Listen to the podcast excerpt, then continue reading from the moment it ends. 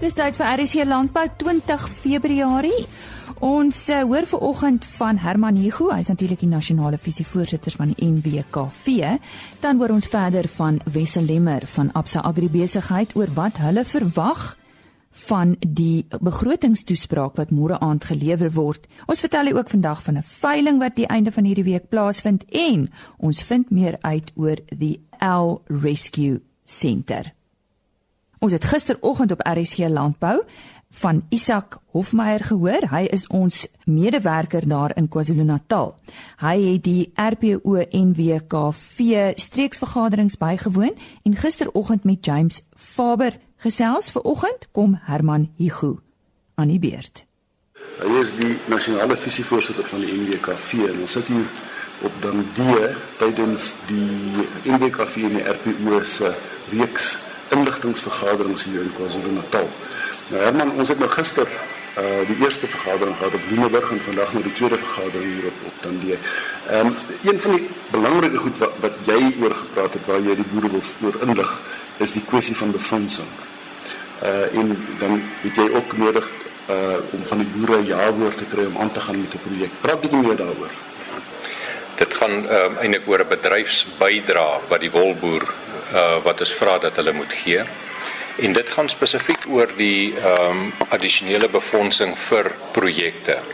En die projek projekte wat die ehm um, uitvoerende bestuur van die ehm um, NWKV geïdentifiseer het waarin die hele bedryf kan voordeel trek, gaan oor die opleiding van skeerders, die predasie en die bestuur daar rondom en spesifiek vir die befondsing van die monitorplase wat ons het en dan ook die kommunikasie. Nou die NWKV lede sal weet dit is die wolboer of die wool farmer. Dit is die kommunikasie uh, wat ons graag sal wil deurstuur vir alle wolboere. So dit is die drie hoofprojekte wat ons geïdentifiseer het wat ons graag sal wil befonds buiten die Wol Trust se befondsing wat hulle wel via die Cape Wools vir ons gee uh, om te doen. Nou, nou hoe gaan dit werk? Net gou in eerste plek jy die die NWKV moet die jaarwoord kry by sy lede dat 'n ekstra bedrag afgetrek kan word per kilogram of uh, wol wat geproduseer word. Is dit reg? Dit is reg. Ek sal graag 'n bietjie ehm um, net daarop wil uitbrei is dat tans is daar reeds 15 sent per kilogram wol geproduseer in die land wat Sewamba aftrek vir promosie per kilogram geproduseer van alle produsente af. En dit het daardie befondsing het gegaan vir die promosie van wol, die internasionale promosie van wol. En ons het gedink om in plaas daarvan om te kyk na statutêre heffing ook dieselfde pad te gaan in plaas van dat hulle dat Sebamba dan in plaas van 15 sent aftrek in addisionele 7 sent aftrek wat in totaal dan 22 sent per kilogram is om dan die projekte wat ons gesê die skeeropleiding, die predasie en dan die kommunikasie te kan befonds. En die behoefte is dan om 'n bietjie 'n verskywing te maak by die promosie en dan meer addisioneel by te skuif oor te plaas na hierdie drie projekte toe, maar dat Sabama dan die aftrekking maak in totaal van plaas van 15 sent per kilogram dat hulle 22 sent per kilogram sal maak. En dan wat belangrik is is dat hierdie befondsing is vir 'n tydperk, vir 3 jaar, 4 jaar. Ehm um, en dan word dan opnuut besluit. Kyk na is die doel wat te behaal? Wat was die uh reaksie gewees? Uh so dit is meetbare projekte wat ons ehm um, wil befonds. So is vir 'n beperkte tyd en dan word hy totaal nuut herdink. En daar sal die no normale besigheidsplanne sal daar wees vir elk van die drie projekte. 22 sent per kilogram. Uh hoe vergelyk dit met met ander lande soos Australië byvoorbeeld en Nieu-Seeland se bydraes? Australië se by, bydra ehm um, er ekwivalent tot die sertifikaat tot die sertifikaanse en so ons vra 22 sent hier in Australië vra 'n ekwivalent van R2.80 per kilogram. So ons is aansienlik minder die ehm um, Nieu-Seelanders, hulle sê dat hulle vat 1.5% van die bruto waarde wat ook omtrent wat ons dan hulle betaal dan 15 keer omtrent meer as wat die 22 sent is wat die Suid-Afrikaanse wolboer sou betaal. Ek dink 'n ander deel wat mense seker ook in konteks moet plaas is die die kwaliteit of dan die status van die Suid-Afrikaanse skeersel in vergelyking met hierdie ander waarvan ons praat. Kyk, dit is dit is bekend dat die Suid-Afrikaanse skeersel se kwaliteit is baie goed en dat ons uh klasseringsstandaarde die is ook baie goed. Dit is hoekom die wolkopers graag Suid-Afrikaanse wol koop. Hoewel Suid-Afrika 1.1% van die totale produksie in die wêreld verskaf, gaan dit oor die kwaliteit wat hulle wel by ons kan kry en dan kan koop. En in die ketting vorentoe, hulle koop die rou wol by ons en dan in die lande waar die wolverwerking ehm um, gedoen word, batch and blend hulle dan die Suid-Afrikaanse wol ook onder andere saam in, in met ander uh die ander wolproduserende lande ten einde 'n sekere kwaliteit sekere mikrons te kry ensovoorts. So ons bly hoewel dit 'n klein hoeveelheid is, maak die kwaliteit dat dit 'n groot rolspeler is in terme van die wolbedryf. Nou die plekke waar uh julle met hierdie versoek gekom het na julle lede, wat was die reaksie tot dusver? Ons het uh, die op hierdie stadium was dit die eerste byeenkoms wat ons nou in Loenenburg in die, in KwaZulu-Natal gehad het. En dit was uh, baie positief geweest. Die mense sien waarvoor dit gaan addisionele 7 sent wat hulle gaan betaal en jy kry die voordeel nie net die die ehm um, die die wolboere nie maar ek bedoel ook die makelaars almal wat die skeerders ehm um, benut en gebruik uit die aard van die saak is die wolboer dan die finale verbruiker daarvan hulle was positief en hulle het gesê die opleiding van die nasionale wolkwekers dit is maar die bron waaruit al die skeerspanne getrek word. Die opleiding primêr geskied hier hoewel die makelaars ook opleiding gee is dit die groot hoeveelheid uh, hoeveelheid uh, skeerders wat opgelei word word deur die nasionale wolkwekers opgelei en um, Isak Klopper is die bestuurder van ons opleidingsspan. Wat is jou boodskap, jou boodskap basies aan julle lede op hierdie op hierdie inligtingstoer wat ons nou het? Ek dink ons het 'n wonderlike boodskap wat ons kan uitdra. Ons is opgewonde oor waar die wolbedryf tans staan. Ehm um, dit kan wees pryse, die is uitstekend. Dit is ehm um, 18% hoër as 'n jaar gelede. Ek dink ons kwaliteit het die mense gee baie aandag aan die aan die kwaliteit. Die dit is 'n baie positiewe gees in die totale wolbedryf. Saam daarmee die goeie vleispryse wat ons het. Ek dink so ons is op 'n baie goeie plek in terme van ons wolskaap op hierdie stadium en dit maak ons baie opgewonde. En dit gee ook vir ons ruimte om byvoorbeeld hierdie addisionele befondsing omdat ons kyk na langtermyn. Ons moet voorsiening maak vir die langtermyn. Dit is reg ehm uh, dat die Woltrust hierdie befondsing maar ons wil addisionele projekte graag finansier. Dit van die Woltrust ehm uh, hulle vereiste is vir die geld wat hulle beskikbaar stel, dit is 'n sekere deel van die opbrengs en dit is nie onbeperk nie. Binne die huidige swakker ekonomiese toestande kan 'n mens verwag. Jou laer rentekoerse ehm um, kan jy verwag dat fondse wat beskikbaar is wel onder druk is. Ek sê nie die Voltras se fondse is onder druk nie. Ons wil net addisionele fondse bekom ten einde die wolbedryf tot voordeel kan stem oor die lang termyn. Die punt is dat 'n bedryf wat vir sy eie lot verantwoordelikheid neem, is 'n sterker bedryf as een wat bakkaan staan. Presies, en dit is ons stem daarmee saam. Jy weet, ons wil binne onsself wil ons die bedryf sterker maak en ons totaal uh onafhanklik nog steeds hou van wat die regering moontlik kan doen. Sê baie dankie aan uh, Isak Hofmeyer. Hy het ook daar met Dr Michael Bradfield gesels en daardie onderhoud sal ons môreoggend uitsaai. Hy het ver oggend met Herman Hugo gesels. Hy is natuurlik die nasionale visie voorsitter van die NWKV wat staan vir die Nasionale Wolkwekers Vereniging. Nou eers nuus oor 'n veiling. Ons uh, gesels nou met Hendrik van der Walt oor 'n uh, veiling wat binnekort plaasvind. Uh, Hendrik, uh, vertel ons van die veiling. Uh, dit is die veiling van die Vlakte Bonsmara Studiegroep. Wanneer vind die veiling plaas? Uh, Edin, môre. Ek wil net eers jou dankie sê vir die geleentheid dat ek met jou kan gesels en dit is vlakte Bosmara studiegroep veiling Vrydagoggend 11:00 die 23ste Februarie by Rutan veilingskralle. Ja, dit is interessant dat uh, studiegroepe veilinge hou. Is daar 'n voordeel as so 'n studiegroep veiling hou? En ja, die studiegroep het hulle reëls neergelê waar volgens hulle boere en hulle beeste aangebied moet word.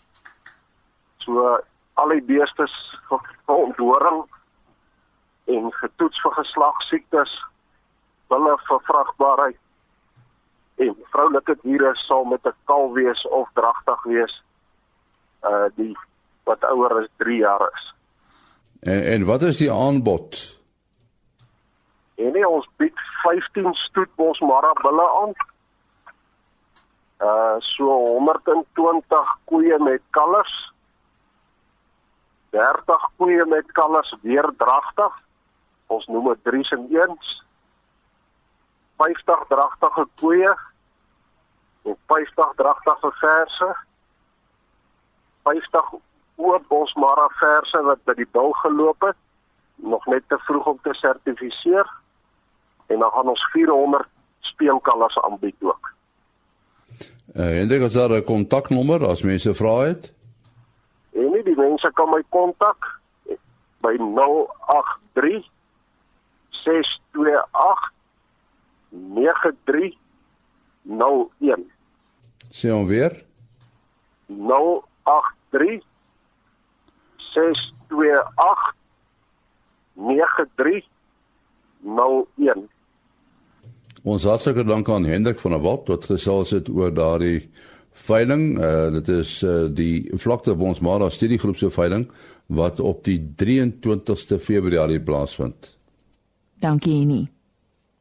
Nou aan die woord 'n Wesselemmer van Absa Agribesigheid. Ons het gisteroggend 'n gedeelte van sy onderhoud uitgesaai waar hy gepraat het oor verskillende kommoditeite se bydrae tot uh die ekonomie in Suid-Afrika en uh vandag praat hy verder oor wat hulle te wagte kan wees of wat hulle graag wil sien moet landbou toekom in môre aand se begrotingstoespraak. In die eerste plek kyk ons na die kleinveebedryf Nou die afgelope jaar in 2017 was 'n moeilike jaar vir die pleinveebedryf en vir pleinveeprodusente weens die voorkoms van voëlgriep en daardie produsente wat uh verliese gelei het as gevolg van voëlgriep was nog nie wel hulle het nog nie hulle uitbetalings van die regering of ondersteuning van die regering ontvang nie. Dit moet nou nog gedoen word. So dit is iets wat uh wat hooplik in hierdie begroting voorsiening gemaak sal word. En dit is ontsettend belangrik want as jy nie as jy nie produsente vergoed vir die skade wat hulle ly nie dan meld hulle ook nie hierdie siektes aan nie. Want jy kry maar weer migrerende voëls, wilde voëls wat hier na toe kom en daarmee saam is dit belangrik om vooraf opnames onder wilde voëls te maak sodat jy voëlgriep al reeds in jou wilde voël bevolking optel en dat die bedryf vo vooruit gewaarsku word. En dis belangrik dat dat onder onderste poort met daardie programme voortgaan. Uh, in die wynbedryf het ons ook gesien wat wat vir ons gekommer is is dat met die druk wat die wynbedryf ervaar en die lae relatief lae wyndryfpryse uh jy weet produsente in die wynbedryf ontvang minder as wat die regering ontvang uit aksiesbelasting van 'n bottel wyn. En weet om dit net voortdurend te verhoog, uh jy kan 'n bedryf doodmaak en ditselfde met met die tabakbedryf want in jou tabakbedryf met hoër belastings moedig jy jy ontmoedig eintlik die produksie van tabak aan. Jy moedig die onwettige handel van tabak aan en aan die einde van die dag lei 'n bedryf net skade. So hoër belastings is nie altyd goed vir 'n bedryf nie.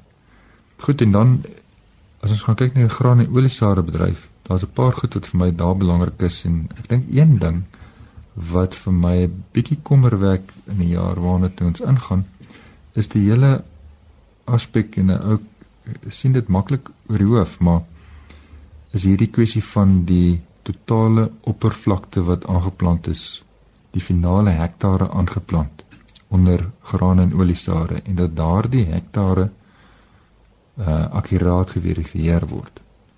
En ons moet net seker maak dat die stelsels en programme wat ons in die verlede in plek het waarmee die regering help in terme van finansiële ondersteuning om daai hektare se syfers korrek te bepaal dat dit wel hierdie jaar ook gaan plaasvind. Want as jy 'n produsent vra wat is die hektare wat hy geplant het? Is dit dit is een syfer maar dit is nie noodwendig die hektare wat hy aan die einde van die jaar van die dag gaan oes nie.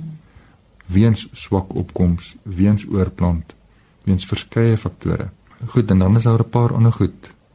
Ehm uh, graan en oliesade produsente het 'n uh, oesversekeringsskema nodig om met klimaatsverandering tred te hou ons swartgraanprodusente het 'n er, uh, waarborg van die regering nodig om toegang tot produksielenings te kry want hulle het nie noodwendig uh, grondeienaarskap oor die grond wat hulle bewerk nie. Daar moet 'n voldoende begroting wees vir primêre navorsing en ontwikkeling. Daardie begroting behoort eintlik toe te neem spesifiek vir die um, ontwikkeling van droogte bestande variëteite of kultivars en dan ons hawe fasiliteite. Ons ons hawens is te vlak. Ons hawens moet dieper gemaak word sodat ons groter skepe kan akkommodeer en wat natuurlik uitvoere en invoere sal bevorder sodat ons meer meer dingend kan wees teenoor ons mededingers oor see. Ek dink ons moet gaan ook gaan kyk na die die tuinboubedryf. Veral vir die Weskaap is dit ontsettend belangrik dat ons moet gaan kyk na die ontwikkeling en instandhouding van bestaande infrastruktuur waar jy waterkanale het waar jy groot verliese het weens wegsyfering van water uit daai kanale uit waar die kanale nie in stand gehou word. Ons moet ons stoorkapasiteit kan uitbrei en dan ons bestaande besproeiingsskema infrastruktuur moet ons baie meer doeltreffend kan maak. En dan moet versekerings wees ook vir rampe soos droogte en hal of bystand tot versekerings. Wat die wat die uh, vrugte bedryf betref, ons het addisionele ondersteuning nodig nee met die ontwikkeling van ons waterinfrastruktuur. Hmm, so water bly maar 'n kwessie. Water bly 'n kwessie, mm. so ons waterkanale en so waar daar verliese is, moet opge, opgegradeer word, moet on, beter onderhou word. Ehm um, want daar gaan geweldige hoeveelheid water verlore tussen die bron en waar die water op die op die land aangewend word. So dit is dit is belangrik en dit is iets wat die regering in stand hou. Ehm um, dan is daar ook rampbestuur en hulp in tye van droogte waar ons nou is wat doeltreffend aangespreek moet word in die begroting. Ehm um, want droogte en hulp in 'n tyd soos hierdie is ontsettend belangrik want droogte het 'n sosio-ekonomiese impak op werklose mense weens die droogte. Uh en ek dink ons moet gaan kyk na bekostigbare versekerings teen rampe soos droogte en al vir die vrugtebedryf. Dan is daar 'n ander aspek waarna ons ook moet kyk en dit is om die transformasie in die sektor by te staan. Deur beleid daar te stel wat eiendomsreg versterk ten opsigte van grondrestitusie en grondhervorming. Ehm um, in die vrugtebedryf is hierdie toetrede vir nuwe boere, daai toetrede grense of entry barriers is hoog en ehm um, bestuursinsette is is nodig vir die sukses van hierdie nuwe toetreders in landbouproduksie. So daar behoort doeltreffend voorsiening gemaak word gemaak te word vir begrotings om goeie landbouopleiding te verskaf, weet in opvoeding van nuwe kommersiële produsente. Dis baie dis baie nodig om hulle sukses te verseker. So ons landboukolleges ehm um, ons moet ons landboukolleges in stand hou en die kwaliteit ehm um, skills of uh, kundigheid wat ons vaardighede. daar vaardighede wat ja. ons daar verseker moet ons eenvoudig uitbou. Hmm. Hmm. Dan as daar verdere punt in ons ehm um, ons het regeringsondersteuning nodig in terme van ons huidige markte oorsee. Ons moet regtig seker maak dat ons vir selfs die gewasse wat ons nou genoem het, dat daar voldoende marktoegang is, dat ons marktoegang vergelyk en op dieselfde vlak is as wat ons mededingers in ander suidelike halfronde is want daarsonder kan ons nie mededingend wees nie. Uh en dit is ontsettend belangrik. So dit gaan oor daardie onderhandelingsvaardighede wat ons nodig het om ons op dieselfde vlak te stel as 'n Australië of 'n Chili of 'n Peru. in ons markte in die noordelike halfrond en selfs ook in markte in Asië. Wesel nou goed, jy het vir ons gesê wat jy dink landbou moet kry, maar ons praat hier van verskillende provinsies en ek weet jy wil fokus op die allokasie van begroting van verskillende provinsies. Lisa, as ons byvoorbeeld net die Wes-Kaap na kyk en onthou die Wes-Kaap ervaar nou hierdie droogte en ons kyk na die regering se spandering as 'n persentasie van die gemiddelde landbou bruto binnelandse produk dan sien ons dat die Wes-Kaap ontvang op die stadium uit die begroting uit maar 3% terwyl die Wes-Kaap provinsie tot die totale bruto binnelandse produk vir Suid-Afrika se totale landboubedryf is so 22%. Dan wys dit vir jou daarop dat die Wes-Kaap eintlik baie meer moet kry uit die begroting uit, wat nie die geval is nie. As jy dit nou net byvoorbeeld vergelyk met die Oos-Kaap. Die Oos-Kaap provinsie se bydrae tot die totale landbou bruto binnelandse produk vir Suid-Afrika is maar so tussen 5 en 6%.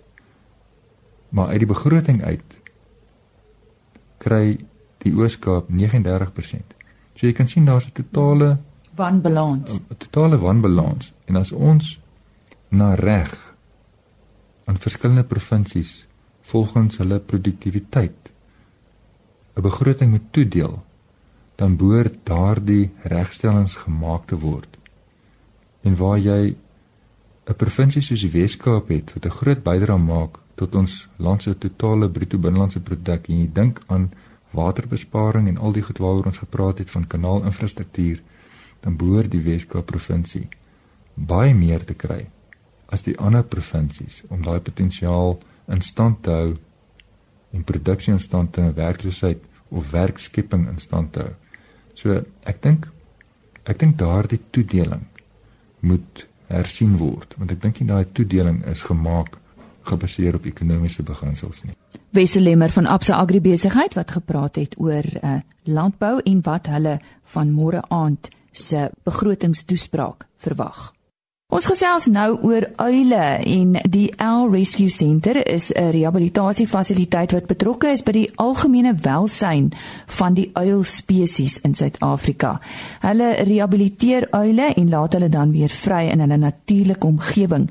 Nou die sentrum is ook by verskeie bewaringsprojekte betrokke om die hoë sterftesyfer van uilspesies te verminder en ek gesels nou met Panel Murray. Sy is mede-stigter van die sentrum oor haar passie vir hierdie unieke voel voels. Daniel, baie dankie dat jy vanoggend met ons gesels. Sê vir my, waar het die belangstelling in uile ontstaan en hoe het julle al hierdie kennis opgedoen? Basies, ek het 'n uh, liefde vir uile vandat ek 'n klein dogtertjie is. Hulle het op ons um, slot waar my ouers ons grootgemaak het, het 'n watertoring daar ge gebroei. Ehm um, so van klein dogtertjie af het ek hulle fascinasie met hulle en oor die jare het ons maar weet ek het die passie gegroei en die energie het ek en Ben besluit dat dit is een van die roofvoëls wat die meeste hulp nodig het. En as mens nie nou iets doen dan jy weet gaan mens later met 'n probleem sit wat hulle dalk kan dan uitsterf. So dit het die program begin. Ehm um, so alles gesinter is so amper 10 jaar terug gestig en ons het maar in die laaste ek het verskriklik baie geleer met die met die werk wat ons gedoen het en navorsing wat ons gedoen het ook oor see se navorsing jy weet mense van oor see af het ons genader en dan het jy weet ons help ook om om meer inligting oor die eiland te te kry. Maar waarom is julle werk so belangrik? Soos ek gesê het, as mense nou begin om iets te doen aan ehm um, jy weet om voorsorg te tref vir hulle beskerming nie, dan gaan ons later met 'n probleem sit. Eintlik is 'n verskriklike hoë sterftesyfer, hoër as enige van die ander roofvoëls en omdat hulle so naby mense bly, so is dit om meer gevare wat hulle bedreig. Byvoorbeeld ehm um, jy weet rotte gif, mense wat rotte gif gebruik, ehm um, elektriese heining, al daai tipe van goeder is 'n bedreiging vir hulle. Vertel ons bietjie van die projekte waarmee jy tans besig is. Wel, ons huidige projekte is ehm um, ons installeer eileise om 'n veilige ehm um, broeiplek vir eile op te sit. Daar's uh, rotvalle sodat mense met op 'n rottegif gebruik. So daar's hele paar projekte, ons het ons het met 'n nuwe projek begin wat nou redelik opwindend is vir ons. Um omdat ons bekommerd is ook oor die plastiek en ons ons liefde vir algemene natuurbewaring, het ons besluit om in plaas van ons huidige eileise uit hout uit te vervaardig soos ons doen, gaan ons dit nou uit herwinde plastiek vervaardig. So ons is besig om uh, plastiek in te samel. Die hele land is besig om ons te help, skole, maatskappye, almal ehm um, gee ons hulle gebruikte bottels, dis waterbottels, melkbottels, al daai tipe bottels en ons gaan dit nou herwin en ons produkte daaruit maak. Jy het nou nou so vinnig geraak aan die 'n bedreiging wat eile in die gesig staar. Uh jy het nou so so 'n bietjie oor gif gepraat. Is dit maar die grootste bedreigings wat jy nou nou genoem het? Um gif is 'n groot bedreiging, maar ek kan nie sê dis die grootste een nie. Um motorvoertuie is definitief een van die groter bedreigings. Eile sit gewoonlik um in die aand op die die paai en van van daar af kan hulle makliker rot sien of so wat hulle jag en mense wat dan met jagtipe en so ryle gereeld raak. Sê vir my, hoe groot is julle span? Ek weet jy en jou man Brendan uh, werk saam. Is daar nog ander mense? Ja, ons het 'n hele paar ander mense. Ons is in totaal van 14 wat permanent aan die projek werk.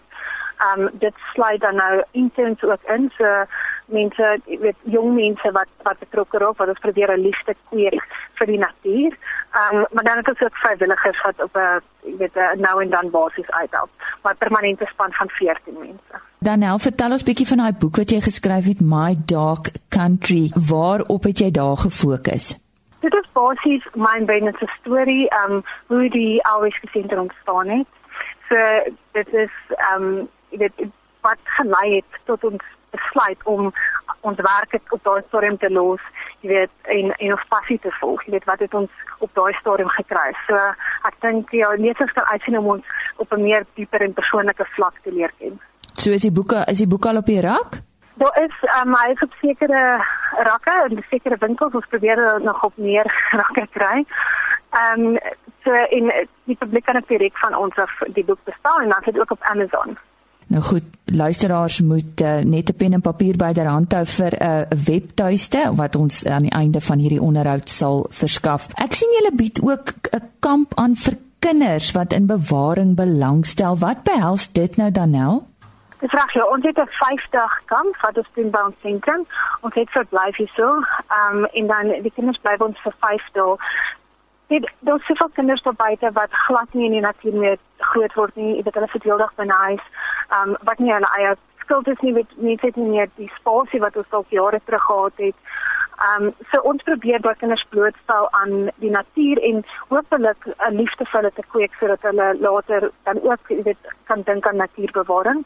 So dit jy weet um uit 'n uh, stapie in die in die berge. Dit is um dit met die werk wat ons doen so help ons met die voer van eile al daai tipe van dinge. So dis dis basies met 'n uh, blootstelling aan 'n projek in die algemeen. Die stem daarvan Danel Murray. Môreoggend gesels ek met haar man Brendan Murray juis oor hoe jy 'n uil hanteer as jy hierdie uiltjie dalk iewers optel. Hulle webtuiste is www.lrescuecenter.org www.owrescuecenter.org.za www.owrescuecenter.org.za Moedag vir u verder. Totsiens. RSG Landbou is 'n produksie van Plaas Media. Produksieregisseur Henny Maas. Aanbieding Lisa Roberts. En inhoudskoördineerder Jolandi Root.